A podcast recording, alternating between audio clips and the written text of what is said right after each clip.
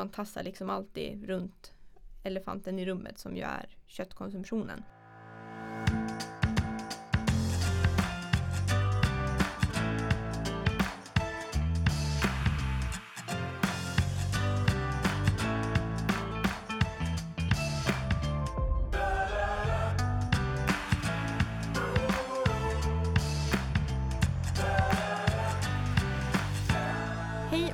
Hjärtligt välkomna till årets första avsnitt av Djurens Rätts podd på Djurens Sida. Jag heter Matilda Antti och arbetar som politisk sakkunnig hos Djurens Rätt och i vanlig ordning så sitter jag här tillsammans med Sebastian Wiklund, samhällspolitisk chef hos oss på Djurens Rätt. och tillsammans så brukar vi en gång i månaden bjuda på spaningar och fördjupningar i djurpolitiska frågor. Eh, Så genom att följa podden så kommer du få bättre koll på djurpolitik på samhällets olika nivåer.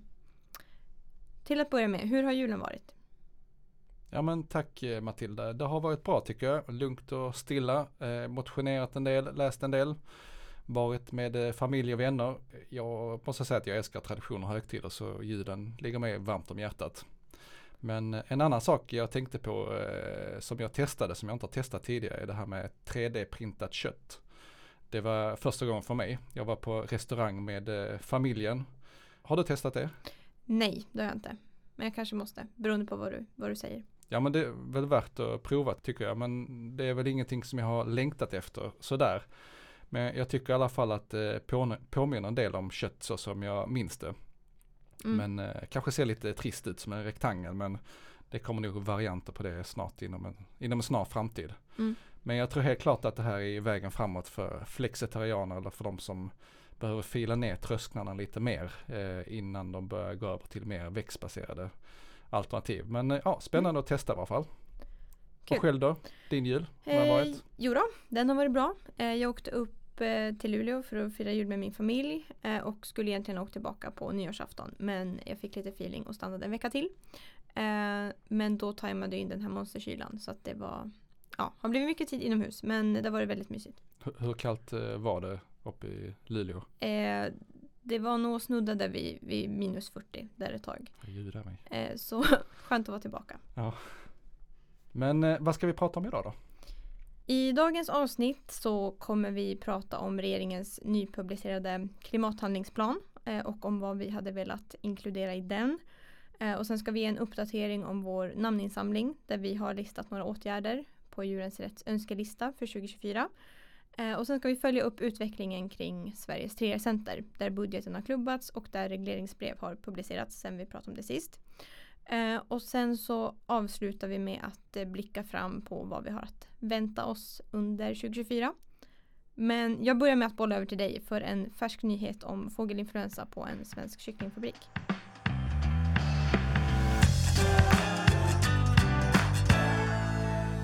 Men nu är det då igång igen med hälsovådliga smittspridningar i djurfabrikerna. Fågelinfluensan har konstaterats på en avelsanläggning i Skåne vilket resulterat att samtliga 48 000 djur har avlivats. Igen och igen händer detta. Det får vara slut nu tycker jag. Roten till problemet är ju som vi vet djurfabrikerna och politiken borde agera genom att driva förslag där dessa här monteras ner. Och jag läste i vår nyhet på webben att eh, vår riksordförande Camilla Bergvall säger att den senaste tidens skandal har gjort det tydligt att lidandet inom kycklingindustrin finns i alla led. På kläckerier, i uppfödningar, vid transporter och under slakten. Och eh, jag kan bara säga att jag verkligen håller med. Rakt igenom är den här branschen ohållbar. Den senaste tiden har också forskare höjt en varnande röst om att eh, det kan bli fågelinfluensan som ligger bakom nästa pandemi. Oron väcktes på riktigt när det började sprida sig hos eh, däggdjur också, något som är mycket ovanligt. Det har nämligen sedan eh, 2022 rapporterats om eh, smitta på minkfarmar i Spanien och Finland samt om massdöd av sjölejon i Peru. Och för ett år sedan så dog även en flicka på 11 år i Kambodja som hade smittats. Denna gång kom utbrottet i en avelsanläggning som producerar kläckägg som ger turbokycklingar likt den som granskades i Uppdrag granskning. En turbokyckling är en snabbväxande hybrid som växer från 40 gram till hela 2 kilo på bara 35 dagar. Vilket gör att de är dömda till att leva ett liv i lidande. Och i samband med alla skandaler så har vi skickat in några krav till politikerna för att de ska veta vad de kan göra. Ja, eh, till att börja med så vill vi införa ett slutdatum då mer än 100 djurenheter inte längre får hållas på samma gård. Eh, och när man pratar om djurenheter så är det ett mått på storskalighet och hur många djur som utgör en enhet det beror på vilket djurslag vi pratar om. Eh, så för hönor och kycklingar så skulle 100 djurenheter motsvaras av 10 000 djur. Ja, och en annan punkt som vi vill ha med är att man ska utveckla en riskpremie som finansierar statens kostnader vid smittoutbrott där större anläggningar får betala en större premie. Djurfabrikerna måste ju börja ta sina egna kostnader och kan ju inte förvänta sig ett stöd från skattebetalarna så fort de får problem. Sen vill vi att avståndet mellan gårdar som har samma djurslag eh, ska ökas för att minska riskerna för spridning dem emellan. Eh, så en gräns på 3 kilometer tycker vi bör införas. Sen vill vi att det tar med en obligatorisk förprövning som tar med smittskyddsaspekterna. Med exempelvis kraven som nämndes här tidigare om eh, begränsad storskalighet och avstånd mellan gårdarna. Och det kan ju göra att smittspridningen avstannar mellan individerna. En riskvärdering bör göras inför kontroller av smittskydd och de som utgör stora risker ska betala för kontrollerna själva. Såsom till exempel minkfarmar och eh, storskaliga djurfabriker. Och sen vill vi att antalet djur som transporteras långa sträckor måste bli färre för att minska smittspridningen eh, genom gödsel och eh, potentiella smittor över långa distanser. Inför därför fyra timmar som maximal transporttid. Och till sist så vill vi se krav på smittskyddsplaner som behöver följas av samtliga medarbetare. Och om man vill fördjupa sig mer om vad politiken kan göra för att minska smittspridningen så rekommenderar vi att ni läser vår rapport Åtgärder för att hindra smittspridningen i Sveriges djurfabriker. Vi kan lägga en länk till det i poddbeskrivningen.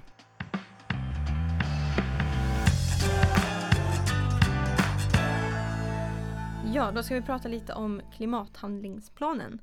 Eh, och lite bakgrund till den är att genom den svenska klimatlagen som trädde i kraft 2018 så är det bestämt att regeringen vart fjärde år ska ta fram en klimatpolitisk handlingsplan som ska lämnas till riksdagen året efter ett valår. Eh, så du, nu var det då dags för första gången. Så den 21 december så publicerades regeringens klimathandlingsplan och även fast det var lite så här i i jultider i slutet på året så lät kritiken inte vänta på sig. Centerpartiet, Vänsterpartiet och Miljöpartiet var snabba med att eh, gå ut med och säga att de eh, väcker misstroende mot klimat och miljöminister Romina Pourmokhtari. Och eh, vad jag har hört så har Socialdemokraterna ännu inte landat i någonting. Men den här misstroendeomröstningen ska enligt vad vi har hört äga rum någon gång i mitten av januari så vi lär få anledning att återkomma till det. Och den här handlingsplanen i alla fall, den innehåller ett 70-tal åtgärder som ska staka ut vägen till att nå netto nollutsläpp. Och i den här handlingsplanen då så nämns jordbruk och animalieproduktion på flertalet ställen men köttkonsumtion problematiseras eller nämns eh, ingenstans. Och eh, istället så lägger man fokus på ja, men hur gödsel ska hanteras och hur fodertillsatser kan minska utsläpp från djurens matsmältning och på att eh, matsvinnet av kött måste minska. Eh, men man tassar liksom alltid runt elefanten i rummet som ju är köttkonsumtionen. Man säger i, i rapporten här att ja, men, klimatpåverkan kopplat till djurhållning är svår att mäta och åtgärda. Så mm. skriver man och liksom sopar under mattan. Varför är då det här problematiskt? Jo, för att kött är den livsmedelsgrupp med störst negativ klimatpåverkan. Tillsammans med mejeriprodukter orsakar produktionen av kött mer än hälften av jordbrukets totala mängd växthusgasutsläpp. Eh, så mer än 80 procent av jordbruksmark i världen används till djurhållning. Även om det bara motsvarar 18 procent av liksom, kalorierna som vi äter. Och eh, var det här förvånande? Vad tycker du? Nej, det, det hade kanske varit förvånande om det kommit fram något väldigt radikalt här. Eh, ja. Förslå till mer växtbaserat men det kanske inte riktigt så förvånande att de ligger där de ligger. Nej, jag tänker att givet att regeringens landsbygdsminister Peter Kullgren tidigare gick emot de mm. nya nordiska näringsrekommendationerna och hävdade att vi tvärtom ska äta mer kött eh, så var förväntningarna kanske inte skyhöga kring att köttkonsumtionens klimatpåverkan skulle vara, stå i centrum för den här handlingsplanen. Men det som jag tycker är så himla tråkigt är att eh, minskad köttkonsumtion även ignoreras helt av Sveriges klimat och miljöminister Romina Pourmokhtari som i sin tidigare roll som ordförande för Liberala ungdomsförbundet liksom förespråkade åtgärder såsom köttskatt. Mm. Eh, så det, det, märks att hon inte har fått freestyla här själv. Nej, hon var ju med på något av våra eh, digitala seminarier som jag tror ligger ute på YouTube någonstans mm. och eh, hade hyfsat radikala idéer i alla fall för hur man skulle kunna ställa om för framtiden. Ja, Eh, och vi kan nämna också att i den här processen med att ta fram handlingsplanen så lämnade Djurens Rätt in en, en skrivelse till regeringen eh, där vi kom med inspel kring prioriterade åtgärder eh, som vi kan, ja, vi kan glida in på det och prata lite om vad vi hade velat se i den här handlingsplanen. Ja, precis. För att eh, vi tänker så här att djuret eh, det sitter ihop ganska så mycket med eh, klimatarbetet. Eh, för att det är så att eh, med minskad eh, köttkonsumtion förbättras ju förutsättningar för en djurhållning med hög eh, djurvälfärd där varje individ kan ges eh, omsorg. Utöver de uppenbara djuretiska vinsterna med att eh, minska köttkonsumtion och eh, få bättre djurvälfärd så innebär det också att eh, man arbetar med fler av FNs hållbarhetsmål. Och minskad köttkonsumtion är också ett kraftfullt verktyg för att bekämpa klimatförändringar och eh, minska risken för framtida pandemier.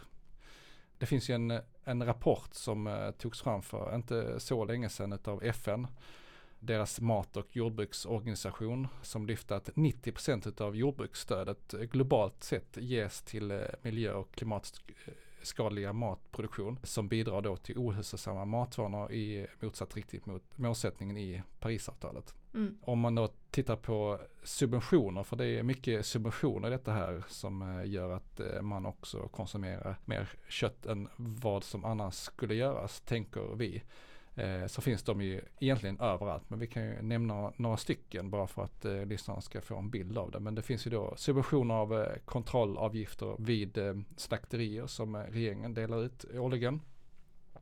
Det finns ju ett eh, skolmjölkstöd som ges ut av, eh, av EU. Den har vi tagit upp tidigare här i podden och pratat om. Det gör att man eh, till exempel inte har samma alternativ för eh, till exempel havredryck och sånt där i skolan. Och eh, sen finns det också rena marknadsföringskampanjer. De brukar vara ganska kontroversiella när de eh, kommer ut att de är subventionerade från offentliga aktörer. Eh, jag minns för några år sedan så var det något som hette Gilla gris om det eh, klingar bekant hos någon av lyssnarna. Då skulle man då börja äta mer kött så att säga eh, från gris.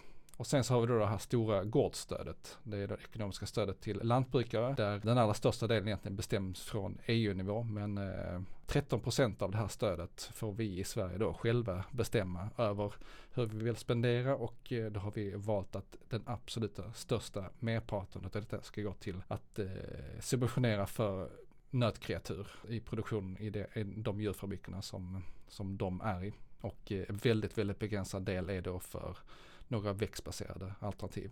Ja, du tog upp det här med andra kompositioner Matilda. Jo, jag kan flika in med att eh, vi kanske har mer aktuella siffror från 2022 och 2023 men jag minns att under 2021 så delades 480 miljoner ut i kompensation till svenska företag eh, med smittoutbrott alltså. Mm. Där djur har massavlivats. Så det kan vara värt att ta upp också, alltså hur, hur mycket det kostar. Både i liksom subventionering och sen i ersättningar. Och att i sådana här sammanhang med mittutbrott att det liksom i gengäld inte ställs några riktiga motkrav för att minska eller förebygga att det ska hända igen. Nej, precis. Ytterligare kostnader för skattebetalarna. Om vi ska prata lite om detta här med subventioner så får man ju säga det att det som normalt brukar betraktas som bra i en marknadsekonomi är ju det som konsumenten vill ha är ju också det som produceras. Och när man börjar mixa med detta här så är det i mindre grad konsumenten som bestämmer. Och så är det ju med subventionen också. Och eh, människor fastnar eller hålls kvar i ett system delvis därför att eh, politiken ger subventioner och styr konsumenternas val. Ut, utan de här subventionerna hade antagligen omställning till mer växtbaserat gått snabbare.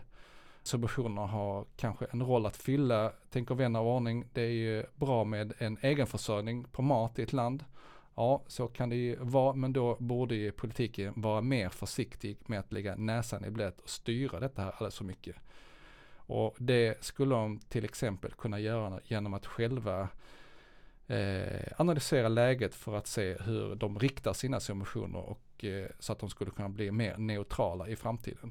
Slutsatsen är ju den att subventioner förhindrar utvecklingen till mer växtbaserad kost. Mm. En annan sak man borde göra är också att titta på hur man kan eh, stödja innovationer och eh, skapa regler och infrastruktur så att eh, privata investerare kan börja jobba med detta här så att vi har jobb i framtiden som, som skapas ifrån den, den nya mat och den nya växtbaserade mat som, som kommer att komma fram i framtiden. Kanske ska säga någonting om vad som är skillnaden då mellan subvention och att satsa på innovation. Det är ju både statliga stöd men att satsa på infrastruktur och innovation gör att en industri börjar växa för att senare stå på egna ben industri och innovation är ju ibland väldigt kunskapsintensivt och kräver mycket och då krävs det att flera stora aktörer drar åt samma håll. Och att det uppstår någon typ av investeringsvilja. Syftet är att skapa förutsättningar för jobb i framtiden. Detta gör man ju för att låta framtidens växtbaserade mat få utvecklas i Sverige i framtiden. Och subventioner däremot håller ju bara ett befintligt system under armarna jag lägger ingen större värdering i det, men det är ju en avsevärd skillnad mellan innovation och eh, subvention. Och varför är det då så svårt för politiken att göra någonting av detta? Ja, men jag skulle säga att de kanske är lite rädda för detta, för att kött, köttlobbyn och deras följare är ju extremt aggressiva. Jag tror många politiker som vill något eh, annat kanske duckar för frågan därför att den är jobbig att eh, ta i. Mm de som vågar lyfta detta kommer att få räkna med att eh, förlöjligas och få sina sociala mediekonton nedklottrade med kommentarer. Inte särskilt kul, det förstår varje människa. Men det är inte heller ett riktigt bra skäl för politiken att avstå från att driva frågor som man tror på. Och i det här fallet då mer växtbaserad kost. En annan sak som skulle kunna bidrar till detta här att eh, politiker har väldigt respekt för de eh, lobbyister med mycket ekonomiska resurser och vill gärna stå nära dem det kanske inte handlar om att eh, de vill se sig själva att de ska börja jobba där i framtiden inom en sån organisation men helt enkelt bara vill stå nära de som har mest ekonomiska resurser. Men det som borde besvära politiker är att eh, de inte har en majoritet av befolkningen med sig. Senast Djurens Rätt gjorde en mätning 2022 var det. Av allmänhetens uppfattningar så svarade 6 av 10 att de anser att livsmedelssystemet av växtbaserat ursprung borde kunna få lika mycket skattefinansierat stöd som livsmedel utav animalisk ursprung. Av de svarande som studerade eller bodde i Sydsverige så var stödet ännu högre, eh, till 70 procent. Och sympatisörer till partier som står lite till vänster, eh, det vill säga S, V och MP, uttryckte en starkare stöd än befolkningen i stort. Och det är ju ganska så höga siffror eh, som politiken verkligen borde kapitalisera på och göra till sina frågor. Och för partier när de bestämmer eh, sin politik bör de ju först och främst landa i vad de själva tycker. Men om de ska tänka lite taktiskt så ska de ju inte vara rädda för att det finns arga motståndare. Tvärtom så kan ju det hjälpa att få upp frågan på dagordningen. Och på det sättet också hitta sätt att kommunicera så att man också hittar de eh, väljargrupper som stödjer frågan helt enkelt. Och jag tycker därför att det borde vara fler som vågar driva den här frågan om växtbaserat inom politiken och ta tydligt ställning för hur Sverige ska gå framåt i den här frågan. Och när det gäller den här klimathandlingsplanen så hade det ju varit eh, en världens chans för regeringen att göra detta. Nu blev det inte så. Vi får ju helt enkelt hoppas att de kommer andra förslag som läggs utanför som också handlar om växtbaserat och hur det ska kunna växa i framtiden i Sverige.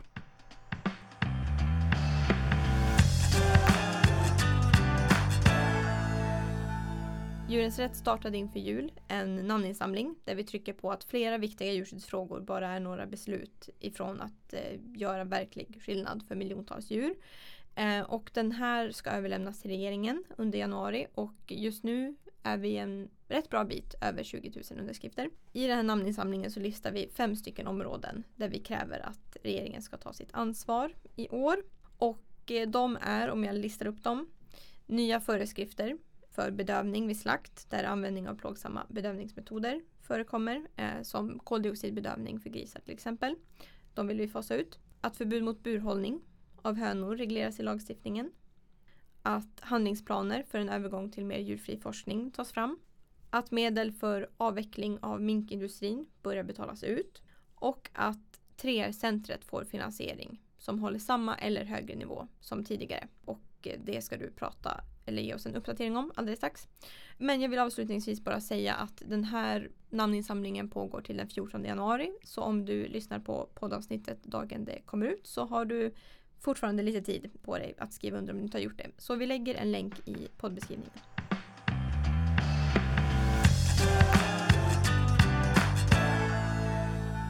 Ja, då ska jag uppdatera lite kring 3R-centret. Detta har ju hotats av stora nedskärningar.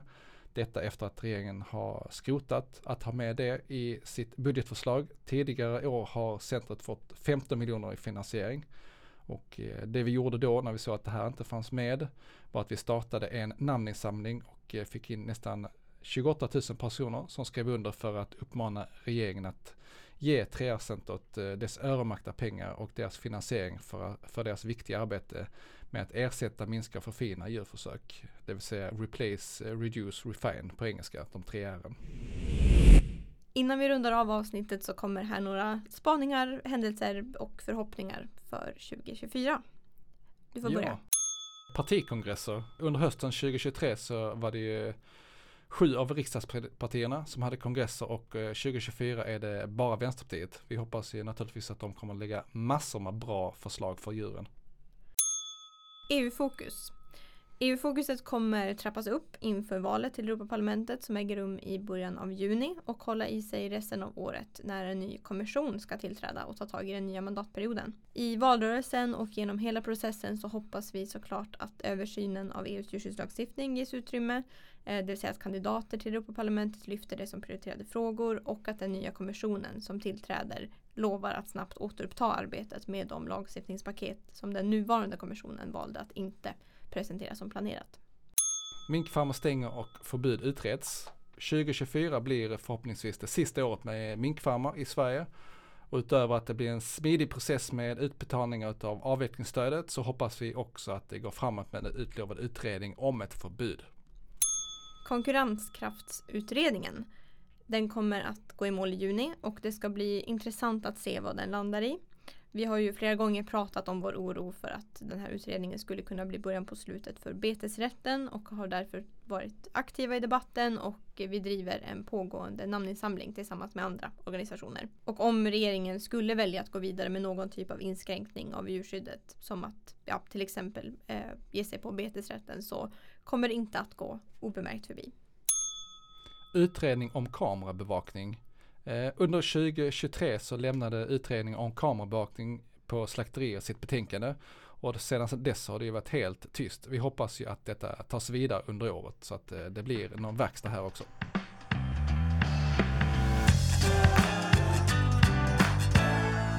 Ja men det var allt vi hade att bjuda på idag. Vi hoppas att eh, du som lyssnar vill vara med oss under året och gillar du vår podcast så se till att prenumerera på vår podd. Då missar du aldrig när ett nytt avsnitt släpps i din poddapp. Och till sist vill vi tacka dig som har lyssnat idag. Eh, och det är ju tack vare våra månadsgivare som vi kan fortsätta göra skillnad för de djur som är flest och som har det sämst. Och vi behöver din hjälp mer än någonsin så gå in på djurensrätt.se och bli månadsgivare idag. Och vill du som lyssnar tycka till om podden eller komma med önskemål på ämnen eller gäster att ta upp och inkludera under året så mejla oss gärna på podcast.djurensrätt.se. Ha det fint tills vi hörs nästa gång och tack för att du står på djurens sida. Hej då!